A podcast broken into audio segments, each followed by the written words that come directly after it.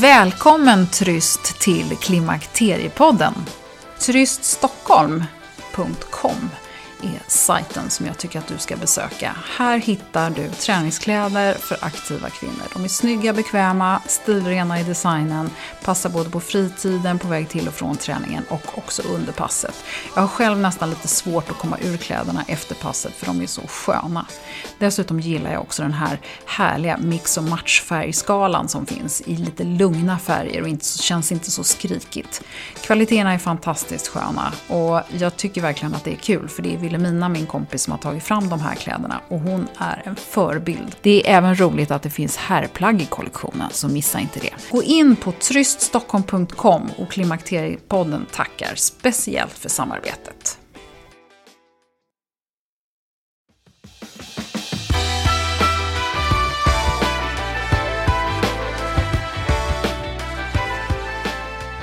Hej och välkommen till Klimakteriepoddens 29 avsnitt med mig, Åsa Melin. Den här gången så ska vi prata om vikt, eller kanske egentligen mer om hur man mår. Kanske är det inte vikten som är problemet, utan det man äter som påverkar måendet. Näringsfysiologen, inspiratören och författaren Kristina Andersson, hon har mycket kloka saker att säga och det är inte av en slump att hon är med och coachar Biggest Loser deltagarna i hur de ska kunna bibehålla sin vikt. Hon har också över 10 000 följare på Instagram och skriver många intressanta böcker. I slutet av avsnittet så uppmanas du också att komma in med frågor, så missa inte den chansen. Info klimakteriepodden.se Nu kommer Kristina. Vad kul! Kristina Andersson, välkommen till Klimakteriepodden. Tack så mycket. Kristina, du har en ganska diger eh, meritlista får man säga och CV. Men det huvudsak, basen i det du jobbar med, det är ju din magisterexamen i nutrition, näringslära. Exakt. Ja. Och sen så har du gjort massor med andra spännande saker som biomedicinsprogram och, och, och du är funktionell tränare och, och, du, du kan en faslig massa om kost får man väl säga. Ja, ja. Det man nog säga. Det är det jag. Sen är du ja. författare och har skrivit mm. massor med spännande böcker och det var mm. så jag lite grann eh, fiskade upp dig från början. För du har skrivit en bok som heter Viktminskning 50 plus. Det är inte din senaste bok utan du håller på med en som kommer i augusti och du har gett mm. ut en nyligen som heter Eat Clean. Men basen i hela ditt författarskap är ju bygger på sund, eh, sund kost, får man säga så? Ja, ja, jag vill ju gärna säga det så också. Ja, att det, är, det är ju liksom nyanseringen i den här djungeln som jag vill bidra med. Ja, och, och, där är du också med i Biggest Loser som är mm. spännande och då får vi se dig igen i april i TV. Det ja, så? det brukar börja sändas i april. Ja. några veckor och, och, har du något sånt spännande, vad händer nästa säsong? Nej men det är jättespännande. Jag får inte avslöja någonting men eh, Men där hjälper du deltagarna med kost? Exakt, det är mm. jag som pratar kost med dem. Eh, vi filmar ju en del grejer men det brukar inte bli så många minuter. Men eh, jag hjälper ju också dem off cam och försöker ja. liksom lära dem förhållningssätt hållbart, till. Ja men exakt ja. och dels liksom under perioden eh, på slottet. Ja. Men eh, jag brinner ju jättemycket för att de på riktigt ska lära sig hur man förhåller sig till mat. Så det kan liksom räcka länge. Ja. Eh, du, du har en enkel filosofi säger du och det handlar om balans, kvalitet och smarta val. Och det finns inga måsten och inga förbud utan man måste få bestämma själv. Och där är basen är hur vill du må och hur vill du känna och det är det du utgår ifrån och det tycker mm. jag låter som en otroligt bra bas. Så jag är nyfiken nu på det här med kvinnan som är i övergångsåldern. Det börjar mm. spöka mm. redan 40 eh, plus för de flesta och säg 45 så börjar det bli lite mer tydligt och sen 50 då har man fattat vad det är som är på, på gång. Eh, och sen så, så dras många kvinnor med det här att eh, vikten inte riktigt är så stabil längre. Vi ska gräva i det lite grann idag. Men, men om vi börjar med just det här med ämnesomsättningen. Mm. Vad är det som händer? Alltså generellt sett så när vi ser på liksom hela populationen så sjunker ämnesomsättningen när vi blir äldre. Eh, grottar man ner i det så hittar man ju förklaringen i att den fettfria massan minskar. Alltså vi får mindre muskler. Och det är ju de som kostar energi i vår kropp.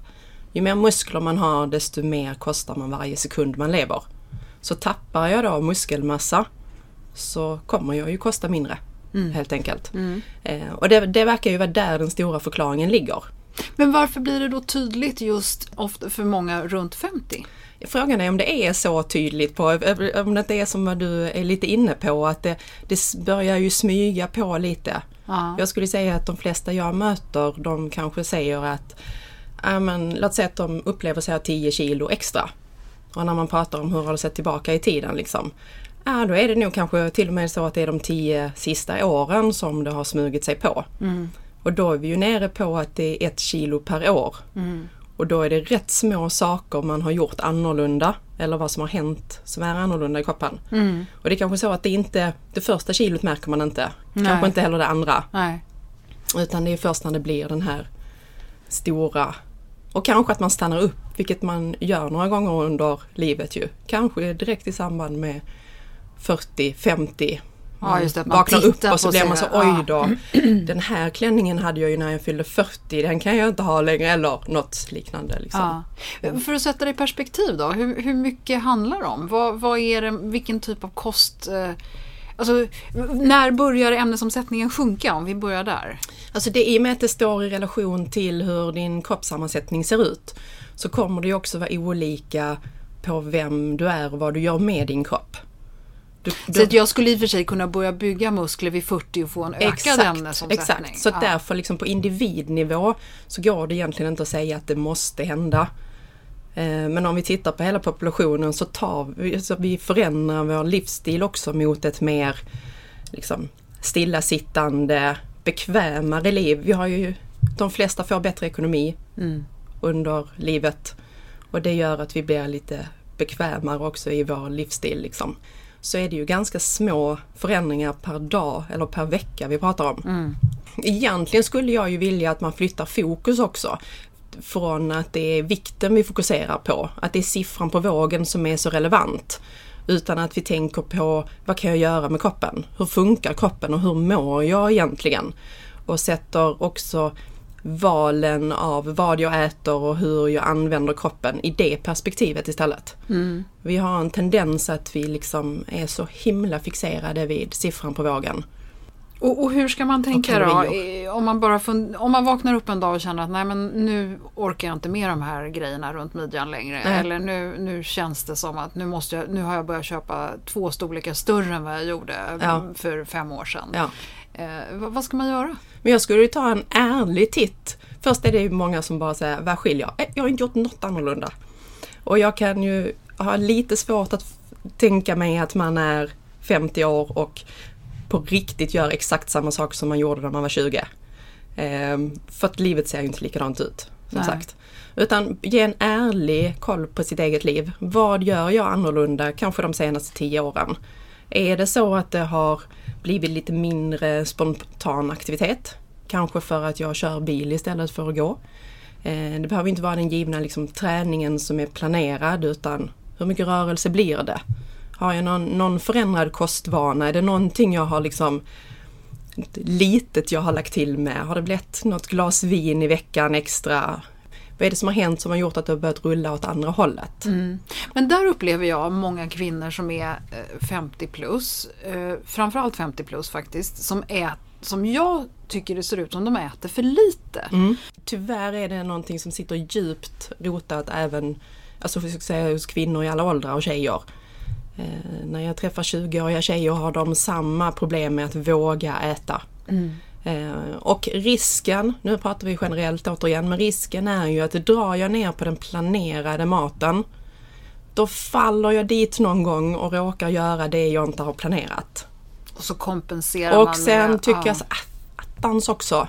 Jag skulle ju inte över helgen och vad gör vi då? Då drar vi ner ännu mer kommande vecka. Och då är risken att jag faller för frestelsen ännu större och så drar jag ner ytterligare.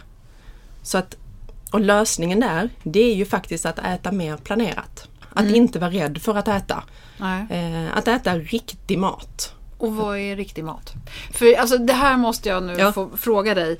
Eh, när man eh, tittar sig omkring idag. Nu råkar du och jag sitta i centrala Stockholm just här nu. Eh, men jag tycker man behöver inte titta på så himla många tidningsomslag och, så för att se att eh, det, dricker man inte grön juice på morgonen då är man väl liksom, Ja. då, då måste man ju få skylla sig själv. Eller? Ja, ja, nej, ja, och jag är så trött på det. Om jag ska vara ärlig. Ja. Eh, att det är det som blir bilden av hälsa. Ja. Att det är liksom gröna drinkar eller pulver eller ehm, ja, superfoods och hela den där grejen. Vi måste förstå att det börjar liksom med att vi egentligen inte äter skräp. Alltså att vi inte dricker läsk och äter godis och kakor och sånt som... Vi har ju till och med slutat prata om det. Nej men man säger näst, man ser ju aldrig det som en rekommendation. Att det där ska du låta bli. Nej. Och, och det, är- ja, det är lite konstigt. För att det är ju igen fortfarande det som är det mest väsentliga. Och det är det som säljs i mataffärerna i massor. Om man tittar på hur det ser ut på hyllorna. Ja. Och, och då ska vi vara helt krassa så ser det ju ut så på grund av att vi köper det. Så Okej. att börja i andra änden. Ät riktig mat och då pratar vi om liksom ja, rotfrukter, baljväxter, alltså potatis och morötter och eh, bönor och linser och ehm, ris och quinoa och ja, hela den där liksom kategorin. Och grönsaker, allt. Grönsaker, frukt, allt. Grönsaksavdelningen, toppen. Ehm, fisk, kött, fågel, ägg. Nötter, frön, avokado, oljor. Ja. Ja, Och så kommer vi till den här käpphästen bröd då. ja, absolut. Det handlar ju inte om brödet i sig som är ett problem. Nej. Eh, för det första vill jag ju understryka att det finns ju inte ett livsmedel som du blir tjock av.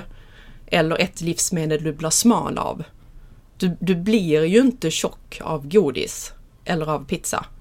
Däremot så att äta det skapar förutsättningar för att du ska få i dig mer energi än vad du gör av med. Vilket gör att du kommer att lagra energi på kroppen. Och då blir vi överviktiga. Eh, kvarg som är så väldigt trendigt nu att man ska äta om man vill bli smal. Det blir du ju inte smal av i sig. Men det skapar förutsättningar eftersom att det är väldigt mättande. Så skapar det ju förutsättningar för att inte överäta och därmed leder det till någonting. Så att då hänga upp sig till exempel på bröd, att bröd skulle vara farligt eller dåligt på något sätt. Det handlar ju inte om brödet i sig. Mycket vad gäller bröd, det handlar ju om vårt ätbeteende kring bröd. Ehm, och, men om man tar en, liksom en brödskiva och så ser man till att man balanserar den ordentligt. Att man äter den tillsammans med fett och protein och, så att det blir som en del av en måltid. Då är det ju inga problem. Det är ju, det är ju ingen skillnad på det egentligen från havregrynsgröt eller rotfrukterna på lunchen eller något liknande. Men vad du säger nu är ju kalorier in, kalorier ut. Ja. Eller? Ja, Ja. Och sen så ska man äta då så nyttigt som möjligt. Och där pratar man ju ofta om nä- näringstät mat. Ja. Och, och vad är det för någonting? Ja, återigen, det som växer och lever ute i naturen. Det är ju när, där näringen finns. Ju mer vi liksom processar det, ju längre vi tar det från den formen, desto större risk är det ju att det har minskat i näring. En del, om vi är tillbaka till det här vad vi ser i utbudet på affärerna, så är det ju en del saker som man inte ens kan lista ut hur har det här vuxit i naturen någon gång och hur såg det i så fall ut? Ah, okej. Så näringstäthet egentligen, då ska man tänka naturligt, så icke raffinerat som möjligt. Ja. Ja. Sen är det ju också någonting som inte behöver, det ska inte vi har ju en tendens att dra den här växeln väldigt, väldigt liksom från det ena till det andra. Så bara för att vi ser att vi har hamnat, om man tittar på västerländsk livsstil, i någonting som innebär att vi äter väldigt hårt processad mat. Och då är det mycket lätt att överäta. Vi äter mer än vad vi egentligen behöver, för aptitregleringen hänger liksom inte ihop med då. Var, varför det? Jag förstår inte det. Blir man inte mätt på samma sätt? om Nej är- exakt, du blir inte mätt och tillfredsställd på samma sätt. Är det mätt för stunden eller handlar det om mätt un, Både liksom och. senare? Både och. Ja, Om vi tittar på den typen av mat så är den ofta väldigt högbelönande. I form av att den är söt och fet och gärna lite salt i kombo. Och det gör att vi får en stor belöning av att äta det. Och det driver oss till att äta mer. Och det gör att vi kan överäta, få i oss mer energi än vad vi egentligen har ett driv till. Om vi tittar då på de rena råvarorna så blir aptitregleringen mycket mer, den stämmer med, bättre överens så att säga. Jaha, okej. Okay. Så det här med att man tycker att någonting är gott och så äter man en extra portion. Ja. Då ska man undvika Ja, alltså vill man hårdra det då återigen ja. eftersom att vi har den här tendensen ja. att göra så skulle ja. man ju säga att vill du sluta överäta då ska du äta väldigt eh, tråkig mat. Du ska ta bort allt sånt som belönar i maten och sådana grejer. Mm. För då kommer du sluta tidigare. Men det är så, vi ska ju leva också. Ja, och det finns ju som tur är en, en balansgång i det. Mm. Och, och, och, då om man tänker på det här, någonting som fascinerar mig det är att man säger att näringsupptagningsförmågan blir sämre när man blir äldre. Mm. Betyder det att eh, man tar upp kalorier lika effektivt som tidigare men man tar inte upp vitaminer och mineraler och det nödvändigaste på samma ja, sätt? Ja, det är vissa mineraler eller vissa vitaminer som blir eh, lite sämre när vi blir äldre. Men eh, generellt sett skulle jag inte säga att kalorierna blir, upptaget blir sämre. Nej okej, okay. så, vi, får, vi, okay, så vi kan inte äta mer på grund av det? det, det, var, det var Nej och grejen komma. är ju att om, om det skulle vara så så har vi ju ingångsfaktan, liksom det där att vi vet att vi blir eh, ja, vi har 50% av eh, liksom, Sveriges befolkning överviktiga eller feta. Och tittar vi fördelningen på um, åldrar där, åldersfördelningen på det, så är det ju de äldre som är överviktiga. Mm. Och det handlar ju inte om att man blir det hux flux då, utan det är ju att om man då har levt ett litet överskott varje år mm. så blir det ju större när vi blir äldre. Skulle det då vara att man inte fick i sig kalorier så skulle man ju inte kunna bli överviktig. Lego Duplo is Lego, only with bigger bricks, perfect for small hands and growing imaginations. Bright, colorful bricks that help your child to create a world of imaginative building. The new LEGO Duplo steam train has arrived with push and go motor and five new action bricks that control everything from the lights, the direction of travel, and even the horn. And download the free Duplo app for even more fun. Learn more at lego.com slash Duplo. That's lego.com slash Duplo.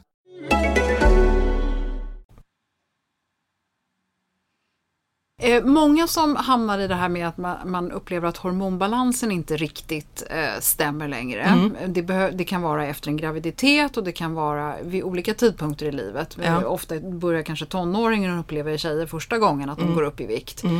Eh, när man då är i övergångsåldern så har man ju också svaja hormoner fram och mm. tillbaka. Hur, hur, hur ska man tänka där? För att, för jag, jag tror att många kvinnor eh, vill tro att mm. hormonerna är ett fel i, ja. eller en anledning till att man går upp i vikt. Mm. Kan ju vara. Men jag tror också man drar för stora växlar på det. Och jag tror att man är tillbaka till det här att då förändrar man för mycket. Då är vi där att man tror att det är det och då drar jag ner jättemycket och sen kan jag få det här jättestora suget. Ehm, eh, och faller för frestelserna jag inte ska äta. Mm. Så att jag skulle väl egentligen råda alla att slappna av lite. Mm. Inte göra några hastiga förändringar för det, alltså äta mindre. Det här att planera att äta mindre liksom, utan tvärtom planera, se fokus på så mycket näringsrik mat som möjligt. Ordentligt med grönsaker på tallriken, våga äta helt enkelt, men att äta bra saker. Mm. För då håller jag mig mätt och tillfredsställd. Och är vi på det här, jag tycker egentligen inte så mycket om att vi fokuserar på vikten, utan våga titta på vad vad är det egentligen jag är ute efter? Visst, det är en sak att så här, kläderna sitter på ett speciellt sätt. Men det behöver ju inte givet ha med själva siffran på vågen att göra. Och kommer vi då också bygga på det här att många mår dåligt. Eh, så att liksom särskilja siffran på vågen med känslan i kroppen. Mm. Jag brukar säga det att man får inte, mina kunder får inte väga sig. Nej, okay. Utan om du, om du skulle komma till mig och skulle ha ett vilja gå ner i vikt ja. så skulle jag utmana dig lite på att sätta andra ord på det. Vad är det egentligen du vill? Mm. Ja men jag vill komma in mindre storlek. Eller jag, eh, jag känner mig lite trött och hängig. Jag vill ha mer energi, jag vill ha mer ork. Mm. Och sen är det det vi jobbar mot. Och hittar då liksom kost upplägg och så vidare som ger det. Mm. Vi är så himla, framförallt vi kvinnor, vi har en sån en sån hang-up på siffran på vågen. Mm. Och om man jämför det då med magsjuka som går nu till exempel. och eh, kan man ju raljera kring det att alla som har då varit magsjuka någon gång och den första gången man tar sig ur sängen efteråt, då väger man kanske tre kilo mindre. Mm. Men det är ju inte den känslan vi är ute efter. Det hoppas jag, eller hur? Nej, inte jag i alla fall. Nej. Men så att man förstår liksom att det är inte siffran på vågen som avgör hur du mår. Nej, men jag tror att många kvinnor fastnar inte bara... Alltså, vågen kanske blir ett bevis för att det där som plötsligt ligger i knät som upplevs som någon form Ja. av bilring. Ja. Eller det här slappa som plötsligt inte... Ja. Alltså det som inte längre sitter fast på kroppen eh, på samma sätt som det kanske gjorde tidigare. Att det är det som man fick se. Och då blir vågen ett bevis för att Ja. jag har gått upp i vikt och den här klädstorleken. Eh, eftersom det halkar ner saker och ting lite Ja. grann också. Eh, jag, jag tror att vi, vi hamnar ju där i Mm. alla fall. Och hur ska, hur ska man göra då, då? Vad ska man göra? Vad ska man ta tag i? Jag vill ju att man återigen ska utmana sig lite i också att, för, för att det där att vi blir eh, liksom inte är så fasta som vi var när vi var 20, det, så är det ju bara. Mm. Alltså, det är ju liksom, ledsen att säga det, men det är ju så det går till när vi åldras, tyvärr. Mm. Eh, jag skulle ju önska att vi, vi släpper fokus på det. Alltså för det är en sak om det blir övervikt så att det, det kopplas till ohälsa. Att det gör oss sjuka. Liksom. Mm. Men vår, vårt ideal kring vad hälsa är och hur den hälsosamma kroppen ser ut kanske också måste liksom snurras till lite. Mm. Och då ska man utgå ifrån hur mår Ja, jag? men hur mår jag? För att egentligen är det ju det. Om man tänker själv så här, det behöver inte vara om att man har ätit något speciellt. Utan man bara hamnar i en situation där man har jättetrevligt. Man skrattar, man är med rätt människor och mår riktigt bra. Det är ju den känslan.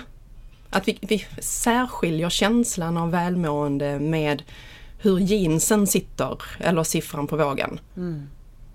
det har blivit lite, tycker jag, lite snett i att vi är så fixerade vid att det är storleken på vår kropp, utseendet på vår kropp, fastheten, siffran på vågen som avgör hur vi mår. Och egentligen, titta på psykisk ohälsa idag. Jag är ju helt övertygad om att det är ju liksom minst lika förekommande i de som skulle ha utseendemässigt en, en bra hälsosam kropp. Liksom. Mm. Eh, därmed inte sagt att vi inte ska bry oss. Alltså vi, att äta hälsosamt och att inte bli överviktiga för att det är en korrelation med ohälsa, absolut. Men vi, jag tror att vi fokuserar på fel saker. Mm. Och sen våga koppla ihop där, bara börja tänka efter så här, hur mår jag när jag äter olika saker? Istället för att bestämma att vissa saker är bra och dåliga så kan jag bara fundera över hur är min känsla? Tar vi ett extremexempel. Hur mår du när du har ätit en pizza? Jag kanske man känner sig lite trött och däst och vill ligga i soffan. Mm. Det är inte förbjudet att äta det men man kan ju fundera så här, när ska jag äta en pizza? Jo, det är när jag vill ha den känslan. Ja, det Om värsta man är väl att man det. kanske äter pizza när man redan har den känslan från början Ja, så det blir dubbelt illa. Ja. Men att man liksom så här börjar istället för att bestämma om maten är bra eller dålig som vi har en tendens här. Jag får ofta frågor i form av får jag, kan jag äta? Eh, så våga fråga sig så här, vill jag? Och i, i det tänka, vad vill jag ha ut av maten? Varför äter jag den? Vad ska den bidra med? Jag vill ha näring i mig eller jag vill känna mig mätt och tillfredsställd. Förhålla sig till maten på ett annat sätt än rätt och fel och dåligt och bra och syndar eller är duktig. Liksom. Och, och är det väldigt olika där med olika människor hur man reagerar på olika livsmedel? Jag tänker på den här hypen med mjölkprodukter och gluten och socker och, och, och sådär. Vi är ju olika känsliga antar jag. Kan man, liksom, kan man acceptera att vissa inte mår särskilt dåligt av att hälla i sig en halv liter mjölk i en kaffelatte medan andra gör, mår sämre? Ja, ja alltså det, ju, det, det, finns ju uppenbart skillnader. Ja. Helt klart. Eh, sen får vi ju inte glömma, och det här är även om det kan låta som en diss så är det ju inte det, men vi får ju inte glömma placebo och nocebo-effekten.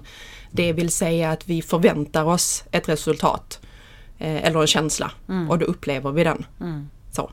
Ehm, För att om vi bara tittar liksom på vad som är trendigt hälsosamt idag och sen så går vi liksom 30 år tillbaka i tiden eller 20 år tillbaka i tiden. Um, idag så tror folk att man blir tjock om man äter vitt bröd till exempel. Mm. Jag vet ju när jag, var, när jag var ung och de som hade ätstörningar då, de levde ju på vitt bröd. Alltså anorektikerna åt ju vitt bröd och var anorektiska på det. Och det är ju inte så att reglerna har ändrats genetiskt sett. Nej. Nej, det är, jättespännande. Men, men det du säger egentligen är ju då att man ska inte, eh, man ska inte sätta upp några regler. För det, alltså desto mindre matfixerad man är, kanske desto bättre är det. Ja, eller ja, generellt sett skulle jag vilja säga så. Sen kommer ju standardsvaret, det beror på. För det ser man i vissa kategorier. Till exempel så tittar vi på ehm, statistik på viktminskning på längre sikt så ser den tyvärr väldigt mm, dyster ut. Det är inte så många som är överviktiga som går ner i vikt och lyckas hålla det på sikt. Mm. Och där tittar man, och kanske framförallt då de extremerna, eh, då ser man faktiskt att väldigt tydligt re, tydliga regler kring ätandet kan hjälpa på sikt. Mm. Så att det är liksom, där kommer det individuella in. Som, lite som du var också inne på, kan det skilja hur vi mår av olika saker. Jag tror att återigen att liksom våga stanna upp och fundera på men hur mår faktiskt jag av olika saker? Mm. Eh, när mår jag bra? Mm. Och vad är mitt mål? Mm. Så vi, vi jagar så himla lätt det vi har läst på löpsedlar eller i tidningar utan att reflektera över, är, men är det, något, är det något jag vill? Vi blir ju matade i i alla tidningar står mm. det ju att vi ska gå ner i vikt, vi mm. kvinnor. Jag tror att man kan vakna upp och känna att jag får skylla mig själv för jag dricker inte ground smoothie eh, till frukost. Jag får skylla mig själv om jag är överviktig. Ja. Och, och, det håller jag inte med om. Nej. Nej. jag tycker att alla, och nu liksom som sagt det går ju att lösa problemet, det är inte det, men jag tycker att det första steget är faktiskt att fundera på, är det relevant för dig? Det här är liksom, gå ner 10 kilo på fyra veckor. Behöver du verkligen gå ner i vikt? Om vi då pratar om att det är bara de här som vi kanske kallar trivsel. Är, är, stör de på riktigt dig eller är det för att du har läst i tidningen att det, så ska man inte se ut eller den där muffinsmagen den är, den är fel att ha. Och jag vill bara utmana alla kvinnor att vi inte hamnar in i att vi givet behöver förändra utseendet eller storleken eller vikten på kroppen i tron att då blir vi sådär glada och härliga och lyckliga som alla bilder på de där hälsosamma kvinnorna är. Mm. Men vi kanske redan är det egentligen. Mm. Och vi blir det kanske inte för att vi har en annan storlek. Eh, bara en, en fråga som kommer upp nu och då. Vi kan ju prata om olika dieter och jag tycker inte vi ska gå in på det. Eh, men eh, en sak som ibland förespråkas, bland annat med 5-2, det här att man äter väldigt lite kalorier två dagar i veckan som inte är efter varandra utan två olika dagar mm. och sen fem dagar ska mm. man då, kan man äta hur mycket som helst i princip. Det handlar ju om att ha, få upp förbränningen om mm. jag har förstått det hela rätt. Eh, är det någonting som är värt att, eh, att man äter olika många kalorier olika dagar? Är det, någon, är det ett recept? Eh, är inte generellt sett nej. Alltså egentligen det enda sättet för dig att få upp förbränningen det är att bygga en kropp som kostar mer energi. Ska du öka liksom utgifterna och göra att din kropp bränner mer, då måste du ha en kropp som kostar mer muskeluppbyggnad, styrketräning. Mm. Och det är ju, vi slår ju flera flugor i en smäll för då, eh, det är ju, muskler är ju också skyddande mot sjukdom, framförallt åldersrelaterade eh, besvär.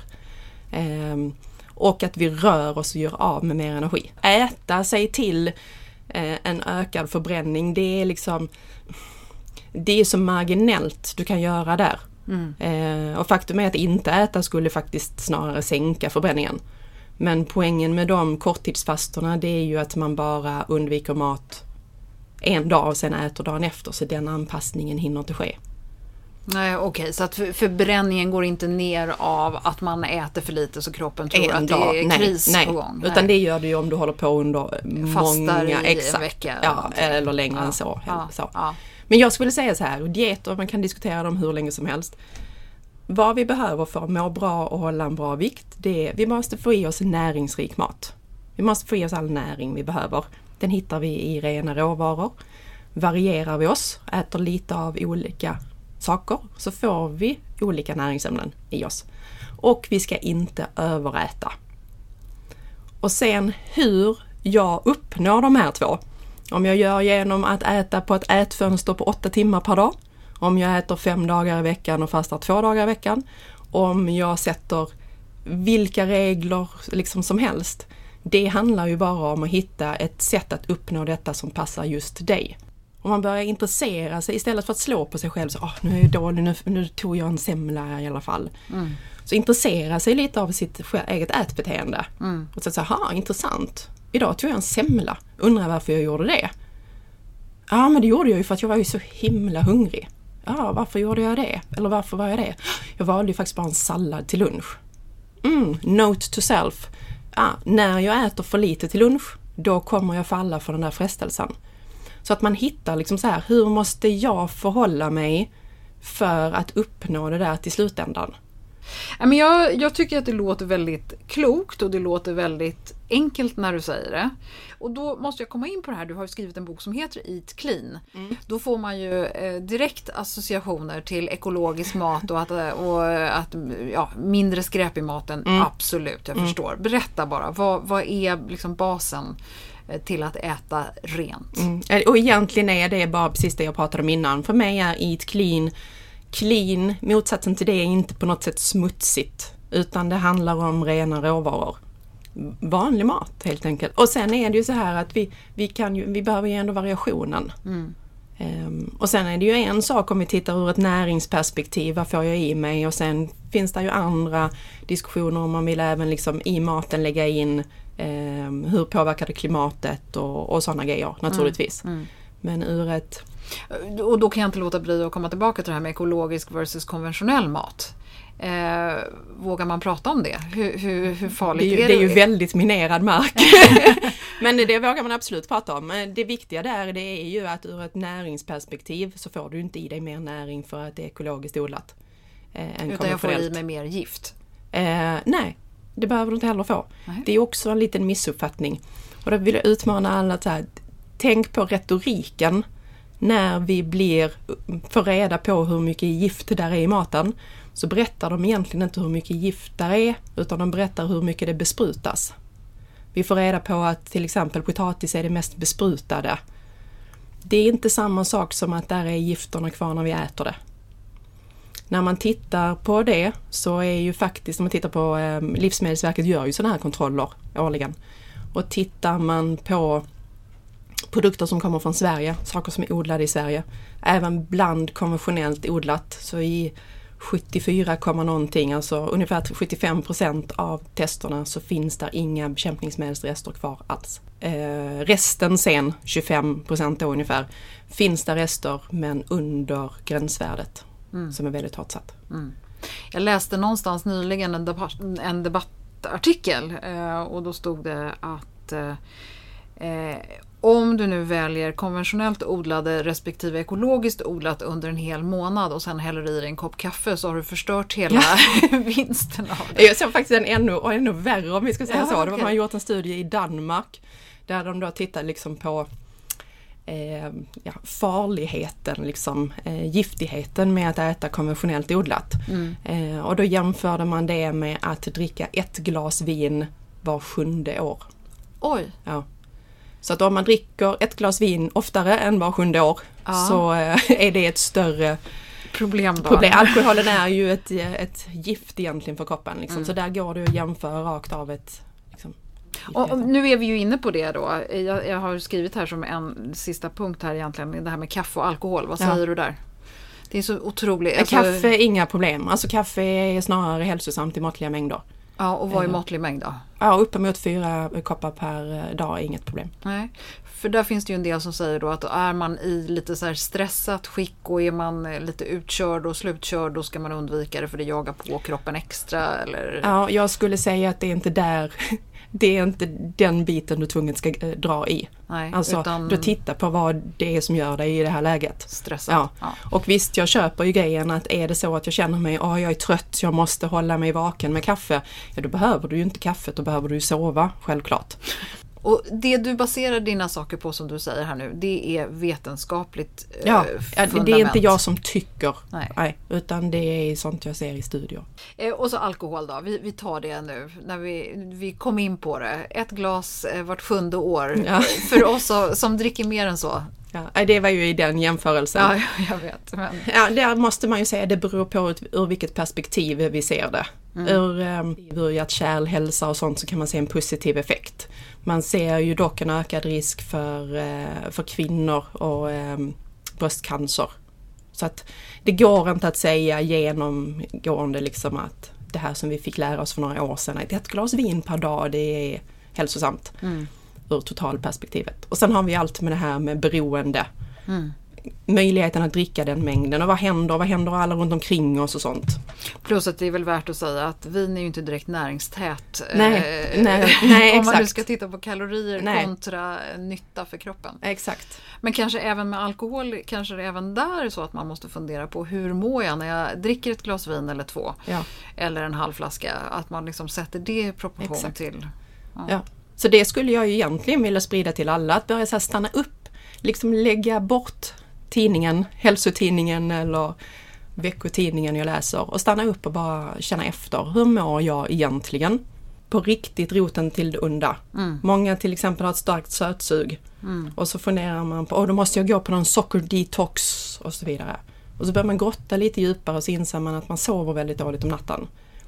Och det kommer att påverka aptitregleringen på dagen. Då är ju inte en sockerdetox egentligen den insatsen jag ska göra. Utan den ligger ju på sömnkontot istället. Vi har så Absolut. lätt att liksom ta den där lösningen i att det är sockrets fel eller dricker lite mindre kaffe så löser det sig eller eh, Vi äter av jättemånga olika anledningar. Eh, för vi är glada, för vi är ledsna, för vi är uttråkade, för vi är arga. Och egentligen är ju den enda gången mat är lösningen, det är ju om man är hungrig. Och sen återigen poängtera det där att om jag inte mår bra, eh, känner mig nedstämd och så vidare, så kommer jag ju inte må bättre bara för att jag kommer in mindre storlek. Eh, jag kan ju mycket väl göra det men då har det ju varit den livsstilen jag har eh, lagt mig till med för att komma in mindre storlek. brukar jag tjata om också när det gäller om träning till exempel. Där kan man ju få, man kan ju få en, en effekt direkt utan att utan att det egentligen har hänt någon förändring i kroppen. Det händer ju i hjärnan i och för sig men man kan ju efter ett bra träningspass kunna känna sig liksom, "Ah, nu, yes, nu känner jag mig lite stark och härlig. Ja, precis. Ja. Och sen hitta dem. Liksom kanske förkorta, liksom så här, man letar de kickarna istället. Mm. För då letar du ju välmående här och nu. Ja men det tycker jag låter fantastiskt Kristina. Leta kickarna. Fokusera på det som får dig att må bra så kommer det göra gott. Mm. Kan man säga så? Ja, Ja. Eh, nej men tusen tack Kristina. Jag är jättegglad för att du ville vara med i Klimakteriepodden idag. ja tack för att du fick vara med. Ja, tack. Ja, men sådär ja. Kanske har du hittat några spår att följa upp. Jag hoppas att det inte bara är jag som blev inspirerad att fundera på några val som görs i vardagen och till helgen. Och vill du läsa mer om vad Kristinas böcker går ut på så gå till hennes hemsida.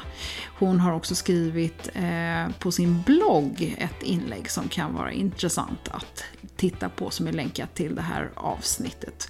Och där hittar du en länk på Klimakteriepoddens Facebook-sida eller så går du direkt och söker upp kristinaandersson.se eller healthyliving Kristina Andersson. Och jag påminner också om att det går att ställa frågor på info.klimakteriepodden.se till ett kommande frågeavsnitt. Och då är det bra med generella frågor som inte är alltför personligt ställda eh, för att vi ska kunna ta upp dem. Och självklart så behandlas det anonymt.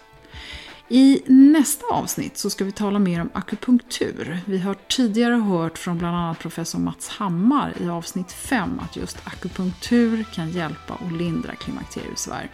Så hoppas att du är nyfiken på det och är med och lyssnar snart igen. Titta gärna in på Klimakteriepoddens hemsida, Instagram och Facebook under tiden. Och som vanligt hittar du då en bild på Kristina där. Och då vill jag tacka för att du har varit med och lyssnat den här gången. Hej då!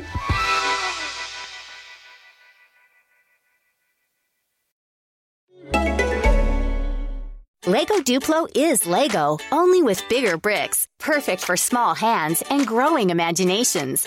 Bright, colorful bricks that help your child to create a world of imaginative building. The new Lego Duplo steam train has arrived with push and go motor and five new action bricks that control everything from the lights, the direction of travel, and even the horn. And download the free Duplo app for even more fun. Learn more at lego.com slash Duplo. That's lego.com slash Duplo.